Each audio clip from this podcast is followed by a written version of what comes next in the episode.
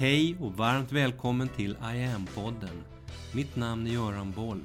Här kommer jag varje vecka att presentera, utveckla tankar kring och polera på en ny facett av denna märkliga, mäktiga ädelsten vi kallar yoga.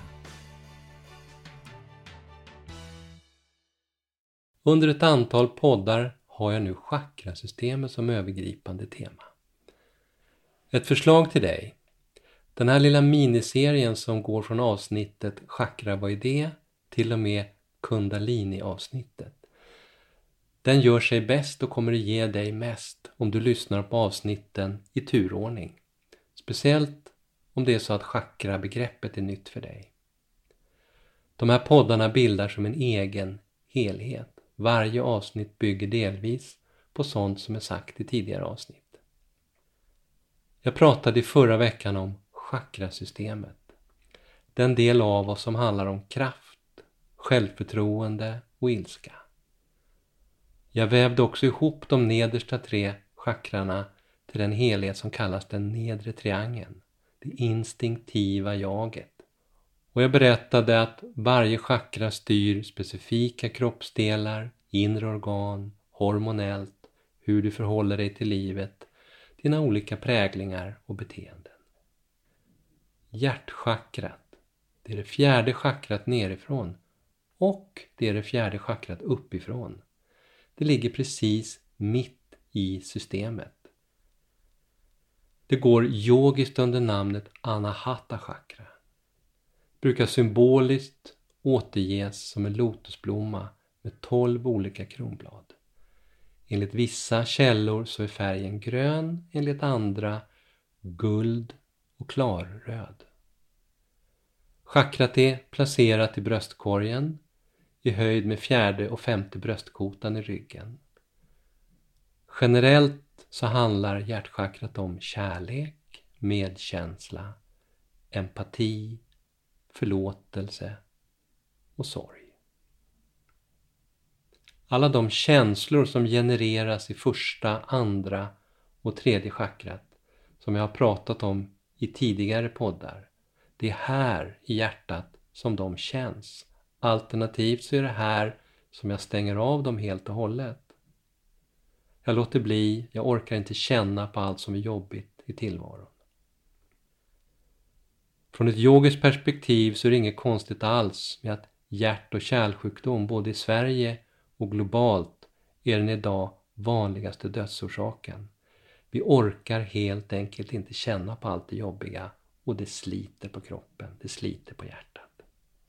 Geografiskt så är hjärtchakrats region bröstkorgen. Från det nedersta revbensparet upp till nyckelbenen, bröstkorg, bröstrygg, armar, händer och fingrar.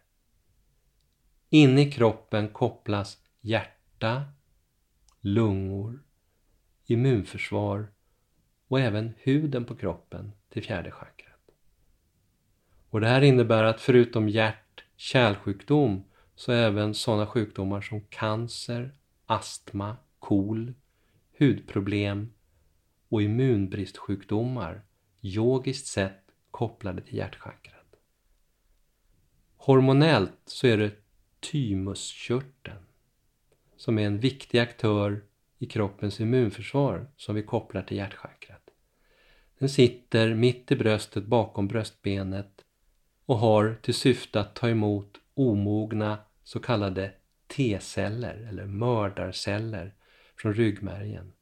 De utbildas i thymuskörteln i att bekämpa virus och bakterier.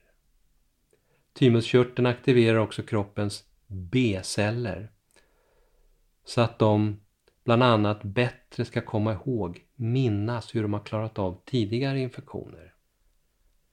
Om hjärtat är inom situationstecken öppet eller stängt avgör i vilken utsträckning som känslorna ner från de nedersta tre chakrarna kan flöda fritt i och genom hjärtat. Och därmed i vilken utsträckning som jag kan vara i kontakt med hjärtats känslor, kärlek, medkänsla, empati, förlåtelse och sorg. Precis som med chakrarna i den nedre triangeln så har vi språket även här tydliga begrepp som vi alla känner igen. När vi tittar på fjärde chakrat så har vi sånt som Mitt hjärta var helt vidöppet.